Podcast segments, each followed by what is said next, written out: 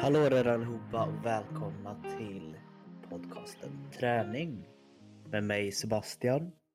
Och mig Henrik.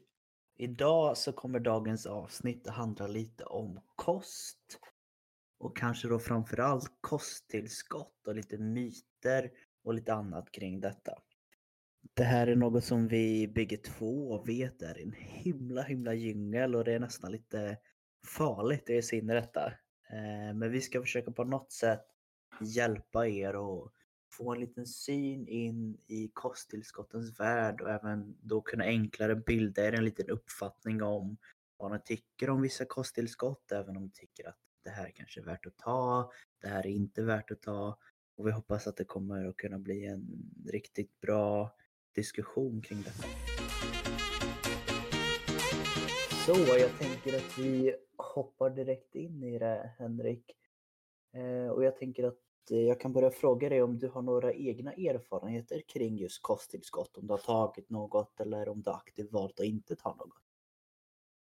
Ja, det... jag har ju aldrig riktigt använt som sagt, proteinpulver och liknande för att förbättra min träning.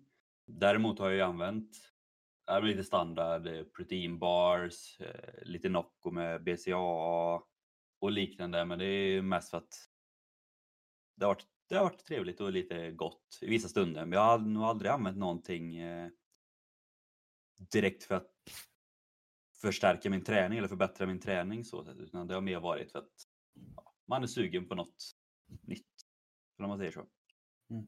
Du själv då? Har du några erfarenheter av kosttillskott? Ja, det skulle jag väl säga. Eh, kanske då framförallt i tidig gymålder.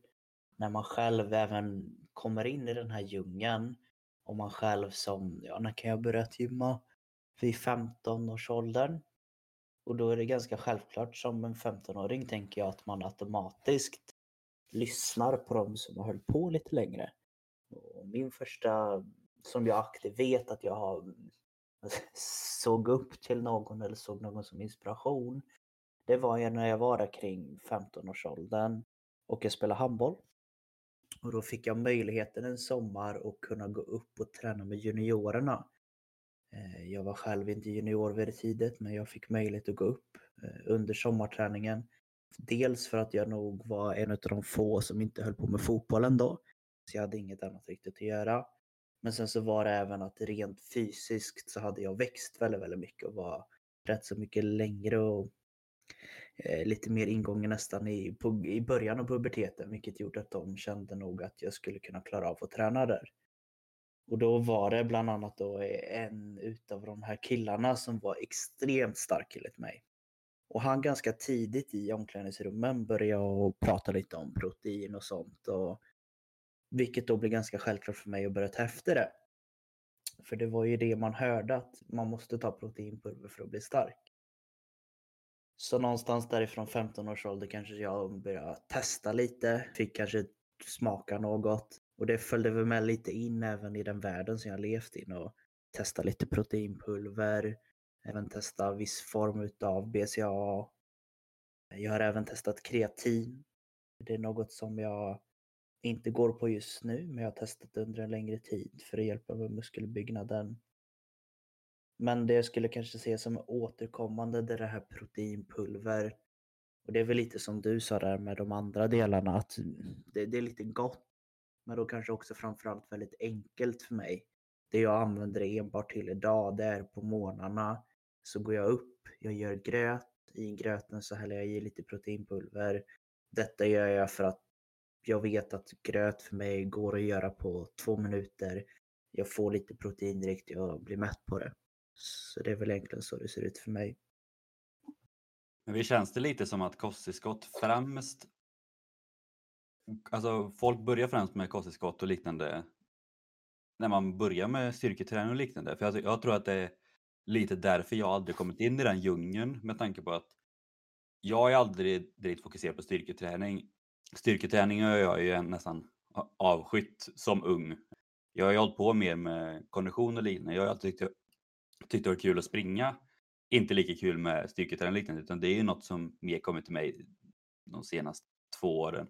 Mm. Så jag tror nog det är lite därför Jag aldrig kommit in i det, men eh, tror att det kan stämma lite så att det tillhör mer styrketräningsbiten? Ja, alltså jag skulle vara beredd att hålla väldigt med om detta och då kanske framförallt om man ska vara ännu mer generell och verkligen dra alla över en kant där så är det unga killar som säger till ännu yngre killar och den här målgruppen och även jag, jag ska vara väldigt tydlig att även jag i den åldern och lång tid upp, man har ingen riktig koll. Utan det man utsätts för är ju nu i efterhand så är det ju marknadsföring som man har läst som man tror är fakta. Att jag aktivt kanske läser att det här måste du ta. Jag tycker ju med min tanke då att men det låter väldigt rimligt att det här är det jag ska ta. Sen så har jag inte riktigt kanske förstått att de som säger att du måste ta kosttillskott och proteinpulver är det företaget som gör just det sortens proteinpulver. Ja, och framförallt då med tanke på, om vi fortsätter då lite med sociala medier, så är det ju också att man ser ju många andra större styrkelyftare och bodybuilders känna att ja, men, jag vill bli lika stark och så ser man att de använder någonting och då börjar man använda det själv också. Sen så bara för att vi säger att det är väldigt mycket pengar i det eller det är kanske det som kan göra att många klarar sig.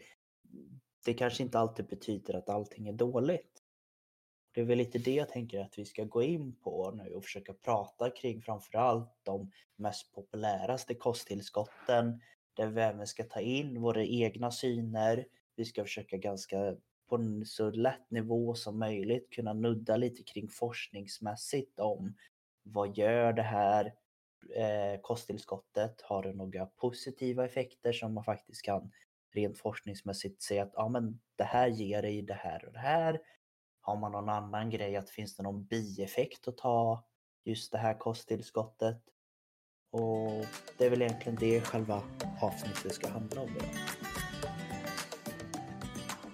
Och jag tänker att innan vi hoppar in på detta så är detta något som jag tycker är väldigt, väldigt viktigt att eh, ni lyssnare förstår att både jag och Henke är ingen expert på det här med kosttillskott. Vi själva, när man väl får en förståelse över kost, så tror jag vi bägge två förstår hur, hur mycket vi inte vet. För detta är ett väldigt, väldigt stort ämne. Vi vill även vara tydliga med att vi har fått eh, den här informationen är tagen ifrån lite större eh, källor som till exempel Livsmedelsverket och liknande. Sen vet jag även att Henke har några andra källor han har tagit ifrån. Ja, jag har ju tagit eh, majoriteten av eh, mm, min fakta från eh, kurslitteratur som jag har haft här på universitetet. Så förhoppningsvis så är det ju säkra källor. Men vi kan också nämna det att mycket av det här är ju fortfarande ny forskning. Framförallt om kosttillskott så är det, kommer det ny forskning hela tiden. Så lite resultat blir som sagt beroende på vart man läser och mycket forskning är också beroende på hur man vinklar forskningen så vinklas det ju åt positiva eller negativa aspekter. Så vi vill bara vara tydliga med det att som jag sa, vi är inga experter, men den faktan vi har tagit fram till det här avsnittet anser vi ändå vara säkra källor och vi litar på den faktan. Jag tänker att vi kan börja prata lite om det som kanske har kommit upp mest och det finns en anledning till att vi kanske har pratat om det mest nu i introt och det är just proteinpulvret. Proteinpulvret är ju ett näringsämne, eller vad man ska kalla det för, som har fått väldigt, väldigt stor uppmärksamhet. Och det kanske har då blivit ännu mer kring de senaste åren. Ja, det har nästan blivit eh, normatiserat nu för tiden. Det är nästan, nästan som man ser framförallt inom eh, träningsvärlden och gymvärlden känns det nästan som att det är fler som använder det än inte använder det. Ja, och då kanske även framförallt ska vi ta ett hänsyn att vi får väl ändå så klassa oss under den lite yngre eh, målgruppen som är på gym. Då är det ganska självklart att vi utsätts från eh, tankar och känslor kring våran ålder. Jag skulle nog vara ganska säker på om vi skulle aktivt fråga någon som är kanske det dubbla åldern mot oss de skulle nog uppleva att proteinpulvret inte kanske är lika stort. Nej, precis. Men eh, det man har sett av varför det här har blivit så pass stort just rent proteinpulvret det är för att man har sett att det ger någon form av positiv effekt på själva mus muskelbyggandet. Och eh, det här har man både sett både kring idrottare och vardagsmotionärer. Någonting som man får ta lite hänsyn till när man pratar just om protein som är kosttillskott, det är att bara för att du häller i dig en skopa eller kanske äter mer protein än vad du i vanliga fall så betyder inte det att det här är ett magiskt pulver som gör att du automatiskt får muskler och kommer bli jättestor. Utan det kanske är mer vikt vid hur du använder och optimerar din träning. Ska man gå in på lite mer fakta just kring själva proteinet som jag tycker ändå är lite intressant och bra att veta för er. Eh, om man går in till exempel och pratar kring den nordiska näringsämnesrekommendationerna. Då de, bör de, och de har sagt att en normalperson bör ligga någonstans på 0,8 gram per eh, protein per kilo kroppsvikt på ett dygn. Och det här skulle då kunna mm, vara en enkel om man drar över att det är en person som väger ungefär 70 kilo så ska den ungefär få i sig 56 gram protein på ett dygn. Ska man dra vidare här så ligger det genomsnittliga intaget i Sverige ungefär vid 100 gram protein per dag. Vilket betyder att redan där, bara ut och höra genomsnitt, så får vi allra flesta i oss mer protein än vad som egentligen behövs. Och där kan jag också flika in lite, jag tror att för, för de som tränar väldigt mycket och elitidrottare så tror jag att det ligger någonstans runt 1,62 gram per kilo kroppsvikt. Eh, men då är det för de som sagt, tränar väldigt mycket och framförallt då elitidrottare och även det då kan man fortfarande få i sig ganska bra om man då bara lägger upp en kost. Ja.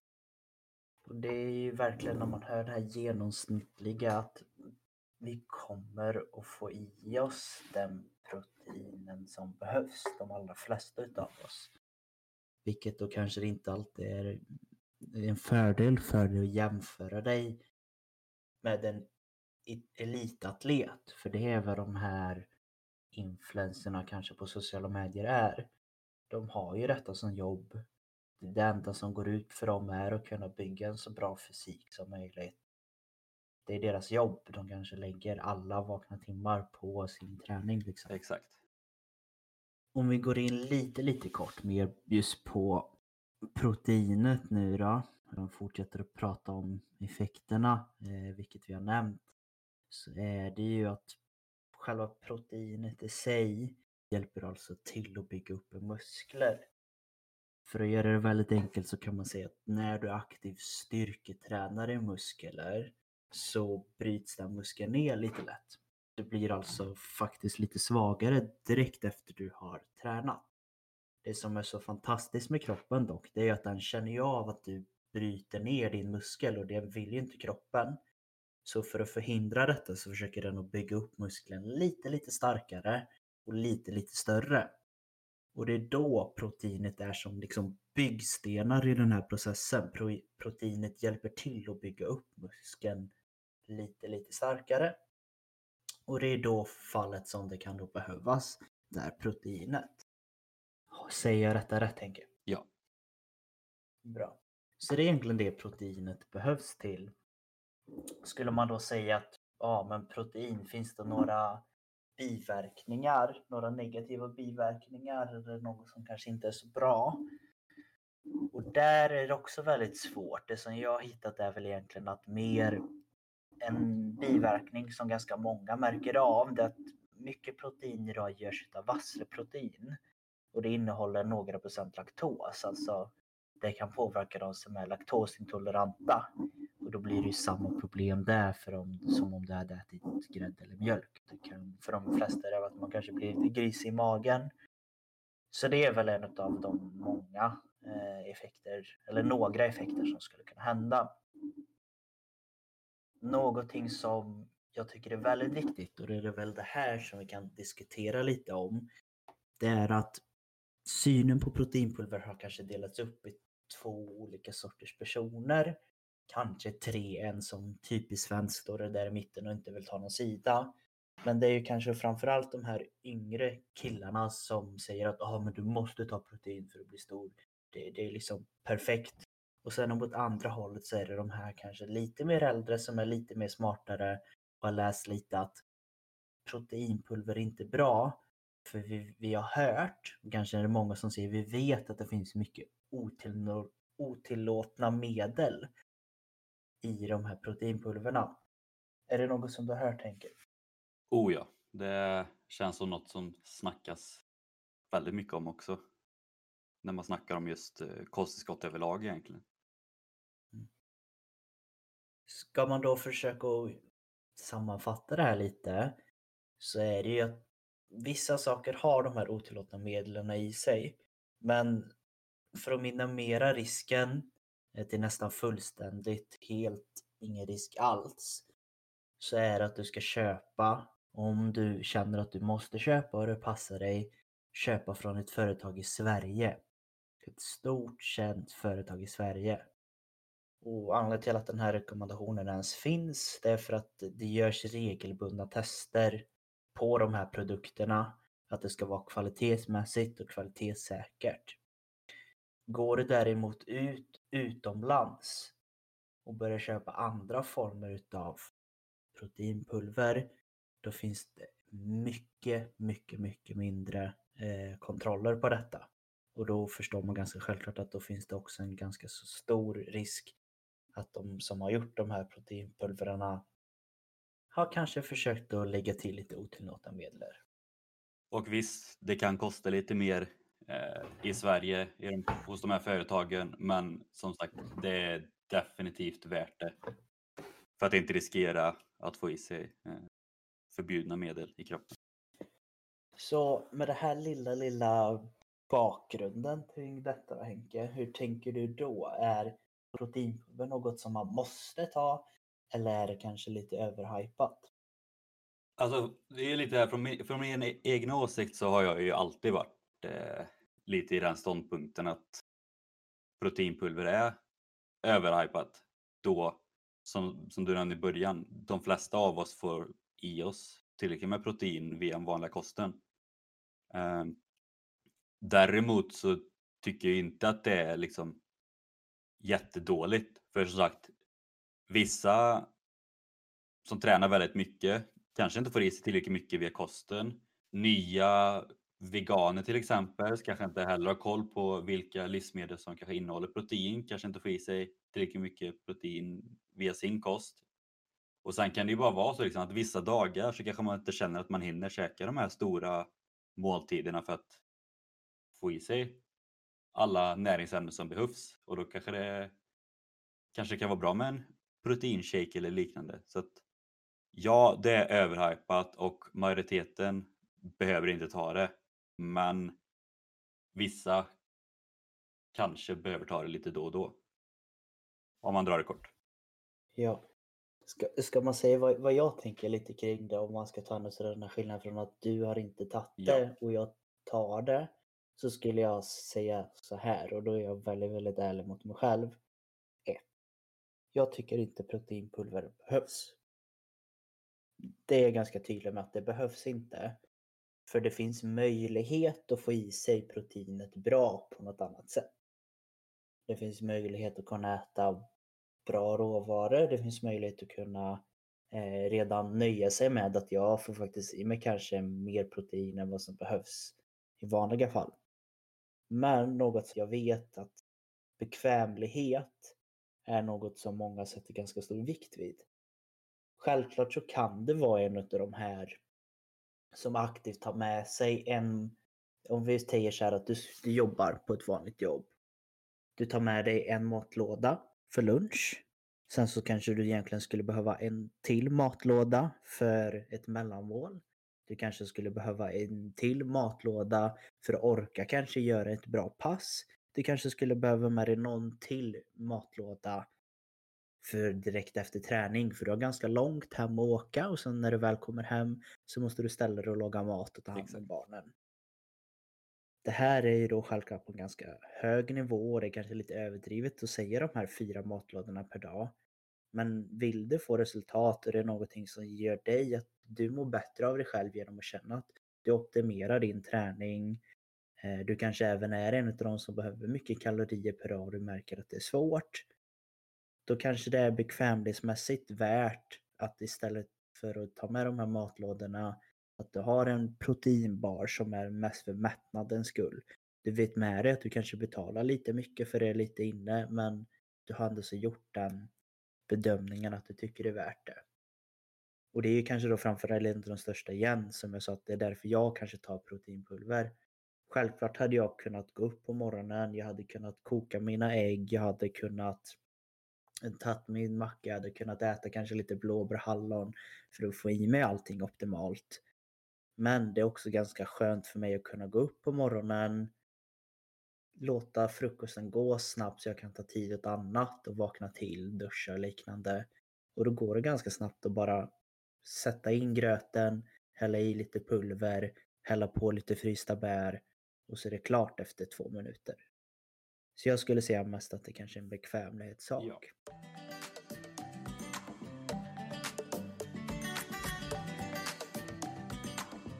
Ska man gå vidare lite mer så kanske man kommer till koffeinet. Man skulle väl också kunna säga att det och ja, vi, vi nämnde att proteinpulver är väldigt vanligt, men man skulle väl kunna säga att koffein är det absolut vanligaste eh, kosttillskottet, framförallt vi svenskar, får i oss. Mm. Ja, verkligen. Och koffein är ju någonting som också har blivit väldigt omdiskuterat i kanske då framförallt media. Någonting som jag tycker är väldigt intressant, och jag tänker att vi kan prata lite om det, den här synen först emellan att en generation tycker kanske att det är okej okay att dricka kaffe medans samma generation tycker det inte okej okay att dricka energidrycker. Jo men det är ju verkligen något som är inne nu just med framförallt energidryck är ju många av den äldre generationen som eh, inte är så förtjust i. Sen kan inte jag svara på, jag har ju faktiskt ingen aning om vilken mängd koffein det är i kaffe kontra eh, energidryck. Men eh, och sen så är det väl också att energidryck innehåller också en del socker och liknande andra lite sämre ämnen. Men det är verkligen ett intressant ämne. Eller en intressant debatt som går runt nu som man ofta läser, främst på sociala medier. Det är väldigt ofta att energidryck ska eh, höja åldersgränsen till 18 år och liknande för att det är så farligt för eh, ungdomarna samtidigt som många svenskar häller i sig många koppar kaffe per dag. Ska man då kolla lite det du pratade om Henke innan jämförelsen mellan en kopp kaffe och kanske eh, en energidricka så är det ungefär en, en kopp vanligt bryggkaffe, ungefär 15 centiliter, eh, innehåller cirka 70 milligram koffein. Och 15 centiliter kanske framförallt i svenska kulturen kanske inte är så mycket. I och med att det kanske är mor det är liksom Ska man ta något väldigt extremt exempel så jag tycker det är lite kul. Det var första gången jag började själv dricka lite kaffe så var jag på ett lager. Och då kom man dit och man fick frukostkaffe, eller kaffe innan frukost för man skulle orka jobba. Sen drack vi frukost på kaffet. Sen så var det äh, kaffe innan lunch, sen var det kaffe på lunch, sen var det kaffe efter lunch och sen var det en kopp kaffe innan man gick hem. Så man drack ungefär sex koppar kaffe på en arbetsdag. Det blir en del. Det blir en del och ska man ta de här ungefär cirka 70 milligrammen koffein som är i en vanlig bryggkopp kaffe så kanske man jämför det med de här andra som kanske ligger någonstans, eh, jag kommer inte nämna några märken, men de ligger ungefär kring 180 milligram per burk. Då. Så det är ungefär, om vi säger då tre, eh, ja, två och en halv koppar 15 centiliters koppar kaffe. Ungefär. Ungefär. Och då kanske man också får en liten syn på detta. Ehm, men om man istället bara för att prata om allt det här intaget och själva koppkaffen och sånt så ser man att koffeinet har ju varit något som är väldigt länge eh, sett som en prestationshöjande kosttillskott. Eh, och det här kanske då beror mest på att man har faktiskt sett i flera studier att koffeinet har gjort att man kan orka lite, lite mer sätt och repetitioner. Eh, och med detta menar jag att tar du lite koffein så kommer det dels att göra att du känner att du har lite mer energi. Och det kan också ge ett resultat i att om du gör knäböj att istället för att göra 3 gånger 10 så orkar du göra 3 gånger 12 repetitioner. Alltså att du böjer den här stången 12 gånger. Och detta i sin, i sin stund går ju vidare till att istället för att göra 10 repetitioner så är det 12. Och då blir det att musklerna stressas lite mer och i det fallet kan det göra att du kan bli lite, lite starkare eller ha möjlighet att bli lite, lite större.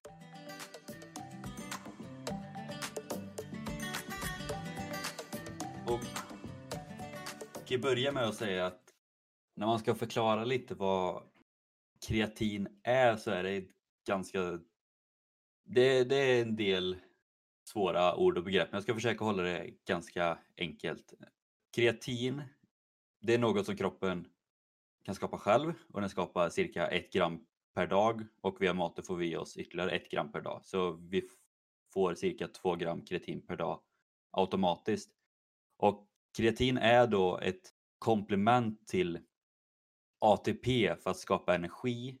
Och jag kommer inte gå in på vad ATP är för det kan man nästan ta ett helt annat avsnitt till. Men kort och gott, ATP är det som ser till att skapa energi så att vi kan kontrahera våra muskler.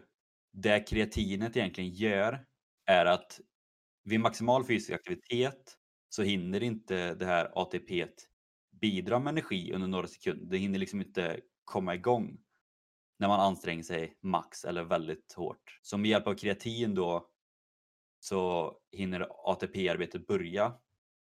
Så kreatinet blir liksom fram som en startsträcka kan man säga för att kunna börja maxansträngning samtidigt som ATP hinner påbörja arbetet med energi. Och det här gäller ju främst vid anaerobt arbete, alltså utan syra, maximalt arbete.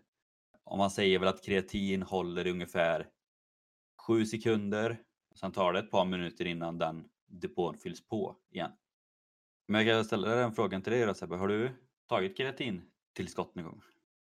Ja, det var som jag nämnde där att i början utav eh, träningskarriären så började vi prata väldigt mycket just om både proteinet och kreatinet. Men det var även på den tiden så var det, upplevde jag det som inte så mycket förståelse riktigt om vad kreatinet var. Och det var även en viss eh, liten rädsla för att Eh, man kunde liksom få i sig lite för mycket kreatin. Eh, hur tänker du kring det? Ja, det är fortfarande liksom lite oklart. Just forskning om kreatin är ju också, som jag nämnde lite i början, väldigt nytt. Men experter har ändå bedömt att det är låg risk för negativ hälsopåverkan hos främst då friska vuxna som äter kosttillskott med cirka 3 gram kreatin per dag under en kort tid. Högre halter skulle kunna utgöra en hälsorisk eh, även om man äter under en kort tid. Men det, liksom, det finns ingen riktig vetenskap om det än. Däremot Vetenskapskommittén för mat och miljö har dragit slutsatsen att hälsan hos barn och ungdomar riskerar att få en negativ hälsopåverkan om de äter kosttillskott med 3 gram kreatin per dag. Så det är väl liksom det som finns med liksom mängden att för barn och ungdomar så rekommenderar de inte riktigt att få i sig allt för mycket medan för vuxna så finns det inte riktigt någon ren vetenskap vad som säger om det är farligt eller inte. Nej, och det tycker jag är väldigt intressant det här med just att det enda som finns mot ungdomar. För ska man vara igen dra väldigt generellt eh, överlag, vilka är det som konsumerar de här energidryckerna från de här stora företagen så är det ju även om det finns en åldersgräns så är det ju barn och ungdomar som får i sig detta. Ja. Och då kanske det inte är riktigt optimalt att de får i sig massor med koppar kaffe och redan där kanske börjar eh, få upp en liten beroende för eh, koffein och det finns ju även samma där biverkningarna som bland annat lite darrningar, rastlöshet, yrsel, ill illamående. Och det, det tror inte jag riktigt är kanske det bästa. Nej, och där får man ju också tänka liksom lite att även om ett kosttillskott inte gör så stor påverkan med ett överskott och ett, kost, ett annat kosttillskott inte heller gör det, men vissa tar ju flera olika kosttillskott och blir det då ett överskott av flera olika ämnen så är det klart att det är inget som kroppen är gjord för. Det som folk använder kreatin till eller det, varför det finns kosttillskott är främst för att öka styrka, minska utmattning och öka proteinsyntesen, alltså bygga upp proteinet. Men som sagt, lite som tidigare kosttillskott så är det liksom att alltså det är ju så här med kreatinet att genom att ta kreatin så kanske man orkar fler repetitioner. Utför man fler repetitioner så, och så ökar ju träningsmängden och ökar man träningsmängden så leder det ju till en ökad muskel muskeltillväxt. Så det är lite som koffeinet där, man kanske orkar några repetitioner till vilket gör att man blir automatiskt eh, starkare. Men friska människor har inte någon brist på kreatin och behöver egentligen inget tillskott. Så det är ju, det är ju samma sak där. att Är du en vanlig frisk människa så behöver du inte kreatintillskott. Men återigen, de som verkligen vill bygga muskler tar det för att orka de här extra repetitionerna. För att då få lite extra styrka. Men är du en helt vanlig, som sagt, helt vanlig person som tränar för att må bra så behöver man definitivt inte ta det som kosttillskott. Och som brukar finnas i de här kanske energidryckerna då, eller PVO-erna så brukar ju både den här koffeinet och kreatinet finnas. Sen så är det ju också väldigt vanligt med det här andra ämnet som jag tror att många har hört och även fått höra historier om att det här kan du inte klara utan. Och det är ju BCAA. Ja, och det där med att det här kan du inte klara dig utan är ju faktiskt, det är sant på ett sätt. För att om man då tar det i det stort, liksom att för protein består av cirka 20 stycken aminosyror, eh, varav 9 av dessa 20 är essentiella. Essentiella betyder att det är någonting som inte kroppen kan fixa självt utan det måste vi tillföra via kosten. Så vi måste få i oss det när vi äter. Tre av de här essentiella aminosyrorna, då, det vill säga tre av dem vi inte, som inte kroppen kan bygga upp själva, tillhör gruppen grenade aminosyror och det är det BCA står för, Branched Chain Amino Acids. Och dessa tre är leucin, isoleucin och valin. Och mycket av dessa får man i sig via till exempel ägg och kött framför allt. Och anledningen till att man ska ta BCA är som sagt att kroppen kan inte producera dessa tre förgrenade aminosyrorna. Och det känns sedan länge att BCAA stimulerar muskeluppbyggnaden och muskelproteinsyntesen. Och då är det främst leucin av dessa tre som stimulerar muskeluppbyggnaden. Kan man få i sig, hur ser det ut med, kan man få i sig den här BCAA från andra saker tillräckligt mycket genom till exempel mm, inom parentes vanlig mat? Oh ja, och det är ju också det som är kruxet för att det är det många tjänar på som säljer kosttillskott och liknande. Liksom att, måste, att folk måste köpa BCA för att kroppen måste ha det. Och det stämmer ju för att som sagt BCA, de aminosyrorna, kan inte kroppen göra själva utan vi måste få i oss. Så de ljuger ju inte. Men återigen, vid en helt vanlig kost så får man i sig alla de här nio essentiella aminosyrorna utan problem. Det är liksom det är ändå en sån liten mängd så att genom att äta vanlig mat så får man i sig alla de aminosyrorna utan problem. Framförallt då om man äter som sagt proteinrik mat så är det oftast där som de essentiella aminosyrorna finns. Eh, framförallt i kött och liknande. Så man kan nästan dra slutsatsen att BCAA framförallt då inom så här energidryck eller funktionsdryck som det kanske kallar att ja, det innehåller ämnen som kroppen verkligen behöver men troligtvis får man i sig det ändå. Så att i slutändan blir det nästan bara en dyr, en dyr dricka. Jag tänker, ska man dra någon form av sammanfattning om de här kosttillskotten, de största som dyker upp i just träningsvärlden? Proteinpulver, eh, viss form av BCAA, PVO och eh, kreatin och koffein. Hur skulle du dra en sammanfattning om jag hade ställt frågan Behöver vi det här? Och i så fall varför? I det stora hela nej. För det är ju också så här om man tänker vi människor har funnits under en väldigt lång tid. Vi har utvecklats under alla dessa år och vi har inte behövt kosttillskott genom, genom alla dessa år. Så att varför skulle vi behöva det nu? Liksom? Genom, en, genom en stabil och bra kost så får man i sig alla ämnen som vi behöver för att klara oss. Men ännu en gång, i vissa fall så är det klart att som du nämnde där, det underlättar i vissa fall och det blir bekvämlighet. Och jag förstår, och det förstår jag till 100% och många av kosttillskotten är fortfarande inte, vad vi vet i nuläget i alla fall, enligt forskningen vi har nu, är fortfarande inte farligt. Så att mycket av kosttillskottet, det är inte skadligt att ta, men för väldigt många så är det bara pengar i sjön. Kan man nästan säga. Och ska man gå lite åt andra hållet eh, och se att varför skulle det finnas möjlighet eller skulle jag se någon fördel i att faktiskt gå på det här då vet jag även om man skulle sammanställa lite kort kring de här och se vilka är det som faktiskt finns någon form av forskning bakom som stödjer att det här ger en så, så pass bra effekt på din träning. Det är väl då kanske koffeinet, kreatinet och proteinet. Men något som också är väldigt tydligt och det som Henrik sa här tidigare är att det rör sig ofta som så liten skillnad på om du tar koffein eller kreatin eller protein. Är det det som gör att du kan bli pytte, pytte lite motiverad och kanske mm, fortsätta gå till gymmet? Då skulle jag väl kanske säga att ja, men fortsätt du ta det då. Men jag tycker att du framförallt ska vara väldigt kritisk till och även förstå att ja, det här kan ge dig de här positiva effekterna. Det här kan ge dig den här bekvämligheten att ligga på en plussida.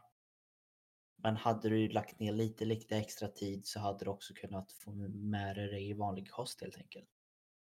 Ja, och framförallt kolla, försöka kolla upp egentligen alltså hur mycket av det du får i dig via kosten. För det, framförallt med protein kan det vara att även om du har en dag där du känner att du inte har ätit jättemycket så kanske du fortfarande har fått i dig det som krävs.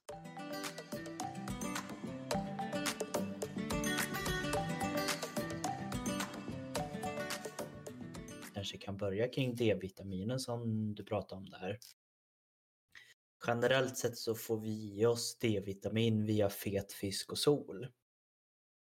Men som vi vet så lever vi i detta fantastiska land Sverige. Där det nu kanske på vinterhalvåret inte är så mycket sol. Och då kan det ju då finnas någon form av eh, liten fördel till att kanske få i sig någon form av D-vitamin extra. Ja. För vi vet även med oss och jag kan själv säga att jag kanske inte är den bästa på att äta fisk hela tiden. Utan jag borde äta lite mer fisk. Och då kan det kanske vara kring vintern och det är även något som jag faktiskt gör nu att jag tar lite extra D-vitamin. Ja. Men även här kan man ju säga också att det är bra att kolla upp om man har brist av någonting i så fall. Så att man verkligen behöver det så att man inte även här tar massa tillskott för att man tror att man behöver det fast man egentligen inte behöver det. Ska man se något mer om man går in på kanske rekommendationer kring vitaminer då, och även vad jag kanske aktivt när jag jobbat i PT-yrket har det här kommit upp. Vilka vitaminer, hur vet jag att jag gör det? Något som kanske är bland de vanligaste, eller det är inte så vanligt, men någonting som jag brukar se att det här kan vara värt att kolla upp om man upplever symptomer till exempel eh, som att man, är, eh, man känner sig lite blek, man är lite trött, är för extra andfådd och lite nedsatt immunförsvar det skulle kunna vara ett tecken på lite järnbrist. Det vet vi med oss att detta är något som kanske då framförallt kan drabba eh, både gravida kvinnor men eh, även kvinnor överlag så det får de för på grund av för stor menstruations menstruationsblödningar. Och då kan det ju alltid finnas en, där känner man av kanske lite extra trötthet och man känner av sig, man eh, känner sig lite extra blek, då kan det vara något man kan kolla upp i så fall. Och just järn är väl också något som kan vara ganska svårt för veganer att få i sig också va? Ja, det skulle jag säga i och med att vi får i oss järnet från vissa animaliska produkter framför allt så kan detta vara någonting som kanske framförallt i början för veganer är lite svårare att få i, sig. Eh, något som också kan vara lite svårt för dem att få i sig är vitamin B12 som även där kanske finns oftast i animaliska livsmedelsprodukter såsom fisk, kött, skaldjur, ägg och liknande. Sen vet man ju av att det, det är mycket enklare idag skulle jag säga än för kanske bara 5-6 år sedan kunna ha en bra stabil vegansk eller vegetarisk kost. För det har blivit så mycket mer förståelse för detta. Och det finns ju även mycket bra proteinkällor och annat från de här kanske baljväxterna och även kål och bär och andra grejer som kan hjälpa till med att få i sig saker som man kanske inte naturligt sett får i sig veganskt annars. Nej, för det är ju verkligen så. Utbudet har ju ökat något enormt de senaste åren och som du även nämner kunskapen. Det finns så mycket större kunskap om det idag så att vill man leva som vegan så är det verkligen inga problem i nuläget att få i sig de ämnena som krävs. Och även här, det här, finns ju no det här är något som går att prata om hur mycket som helst och det är troligtvis någonting vi kommer ta upp i framtida avsnitt också och kanske till och med tar av ett helt avsnitt för. För det är som sagt, det är ett intressant ämne och det har ju som sagt nästan exploderat eh, de senaste åren. Och skulle det här vara ett ämne som ni tycker låter väldigt, väldigt, väldigt intressant just kring den här synen kring kanske vegansk, vegetarisk, råfod har ju också kommit upp. Skriv det då. För jag vet med mig att vi har en väldigt, väldigt bra källa som är extremt duktig på detta som vi säkert skulle kunna få med i podden. Oh ja, och det hade varit jävligt kul att få med henne i podden också. Mm, självklart. Så vill ni höra mer om detta, kontakta oss så försöker vi få det hända. Men jag tänker att det är dags att börja runda av nu lite Henrik. Ja, det är det. Och det vi brukar då göra som vi förhoppningsvis hoppas ska bli en liten segment som är alltid återkommande. Det är att vi går till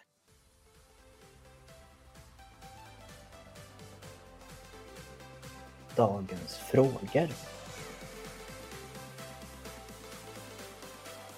Frågor. Frågor.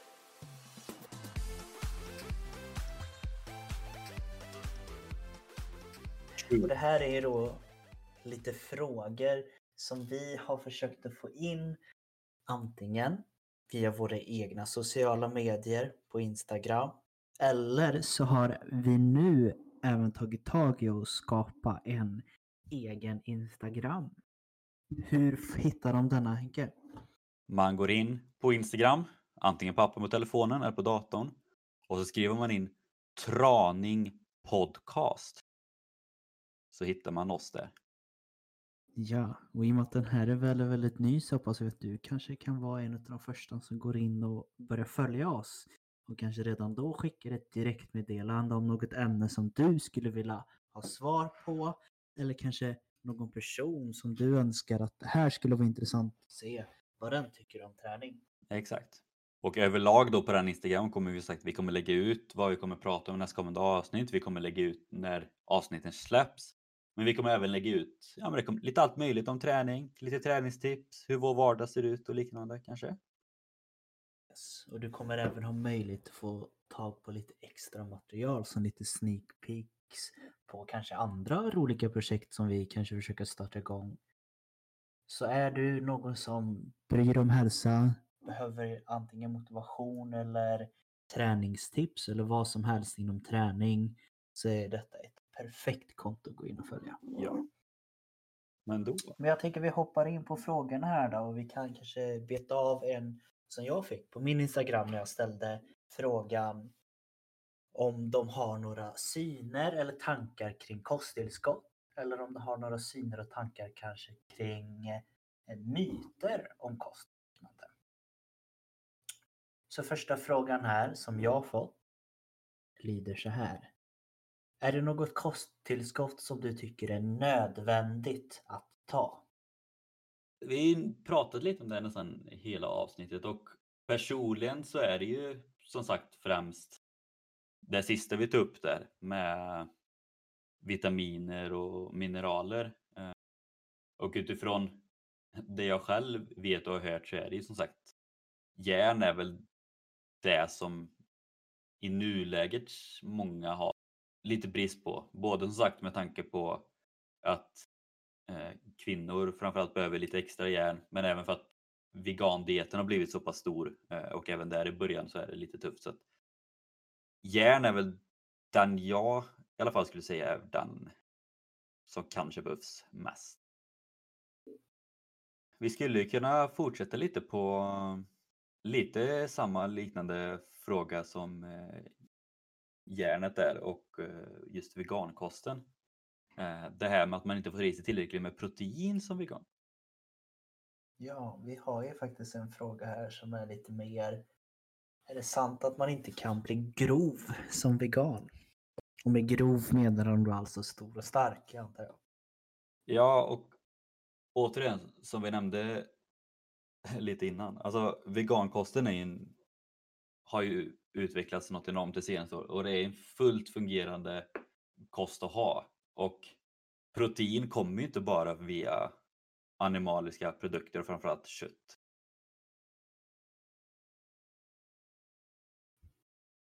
Nej, det finns ju så himla mycket mer som finns. Är det, är det så att du kanske inte riktigt är den här favoriten av kanske just baljväxter som är min första men det kanske också på grund av min, min okunskap just om veganskt så är det det automatiskt jag tänker på baljväxter som bönor, kikärtor och linser och liknande. Men det har även kommit mycket olika former utav supplement eller ersättning för till exempel vad ska man ta, veganska köttbullar, veganska hamburgare, vegansk köttfärs. Så det finns ju väldigt mycket där du kan få i dig proteinet utan problem. Oh ja, så det är ju återigen kunskapen är ju det som är avgörande där. Men det är definitivt inte svårt att få i sig tillräckligt med protein även som vegan. Tänker att vi kan gå in på en till fråga här. Och det är väl egentligen den här, en bit som någon har är att du blir fet utav frukt. Har den hört? Vad tänker du kring detta? Fet av frukt? Fet av frukt, det är myten. Den har jag nog aldrig hört innan. Men jag kan tänka mig att det beror lite på att alltså, frukt innehåller ju fruktsocker och socker överlag gör oss ju fetare i en för stor mängd. Eh, men jag har, jag har aldrig hört det påståendet innan att frukt ska göra det. Jag skulle säga så här, jag, jag har ju hört den. Det har jag. har hört den på gymmet. Jag, jag tror anledningen till att den här myten har kommit upp är för att frukt har nog fått en liten stämpel som grönsaker. Att vissa folk har omedvetet tolkat det som att ja, men äter jag bara frukt och grönt som man brukar säga, då är det nyttigt. Vilket betyder att ja, det är oftast nyttigt att äta frukt och grönsaker. Är det något som rekommenderas att få i sig? Men som med allt annat tar du det här till en överdrift. Då är det självklart att du, du kan få i dig för mycket. Och det var ju som mycket sa att det finns ju faktiskt frukto, äh, eh, fruktsocker, eh, fruktos i det, vilket är en form, det är socker. Så det kanske inte är optimalt att äta för mycket. Men detta kan du ju göra med allting, det spelar ingen roll. Du skulle kunna äta för mycket utav eh, rå broccoli. Till exempel, och det är ju någonting som vi vet att det är något som mättar extremt mycket i kroppen. Det kanske inte är så jätte, jättehögt rent kalorimässigt, men det går att äta för mycket av det. Ja, och det kan vi också säga som du nämnde, precis. alltså det som gör oss större eller det som gör oss fetare eller överviktiga, det är just kalorier, alltså energin i livsmedlen. Så att som du säger, man kan äta vad som helst, men i för mycket mängd så blir det ju kan man ju bli övervikt av det. För att allting i för stor mängd blir ju väldigt mycket kalorier och får vi i oss mer kalorier än vad vi gör av med så blir man ju så går man ju upp i vikt. Men som sagt, jag tror inte att det är själva frukten som är den stora boven till att gå upp i vikt. Nej, det skulle inte jag säga heller riktigt faktiskt. Men om vi drar en sammanfattning på denna stora djungel då så skulle väl jag börja med att säga att kosttillskott är som jag började med. Det är en djungel. Det är stort, det är förvirrande. Det är någonting som gör, tror jag, kanske framförallt i vår åldersgrupp, de är väldigt stressade. Men det jag tror att många måste börja förstå, det är att gå in med mindsetet att vi får i oss generellt sett det vi behöver kring en bra och varierad kost. Ja, och mycket också med kosttillskott är ju som vi också, alltså är du osäker eller om du inte litar på någon så gör egen research så får du skapa en egen uppfattning. För det finns, det finns ju troligtvis massa som inte litar på det vi har sagt här i podden också. Det är liksom helt fine. Alla, får, alla har sin egen uppfattning så att gör din egna research, skaffa din egen uppfattning och så får du ta det därifrån om man vill ta kosttillskott eller inte. Ja, exakt. En lite bredare syn på allt inom träning för alla och inte bara de som är väldigt involverade eller man säger utan oavsett om man är 15 eller om man är 45 tvåbarnsmamma eller om man är 70-årig pensionär så ska man kunna ta med lite inspiration förhoppningsvis. Bra. Men det är egentligen allt som vi har att säga idag för dagens avsnitt här och vi kommer som vanligt att vara tillbaka nästa vecka på torsdag där med vårt nästa avsnitt. Yes. Så det är väl egentligen bara att tacka och bocka och buga och säga hejdå för idag. Så återigen, in och följ oss på Instagram, Traning Podcast. Och har ni några frågor allmänt eller framförallt om det vi pratar om det här avsnittet, var inte rädda för att skicka, skicka DM och skriva fråga. Ni får alla ha det så bra helt enkelt. Hej då. Ha det gött.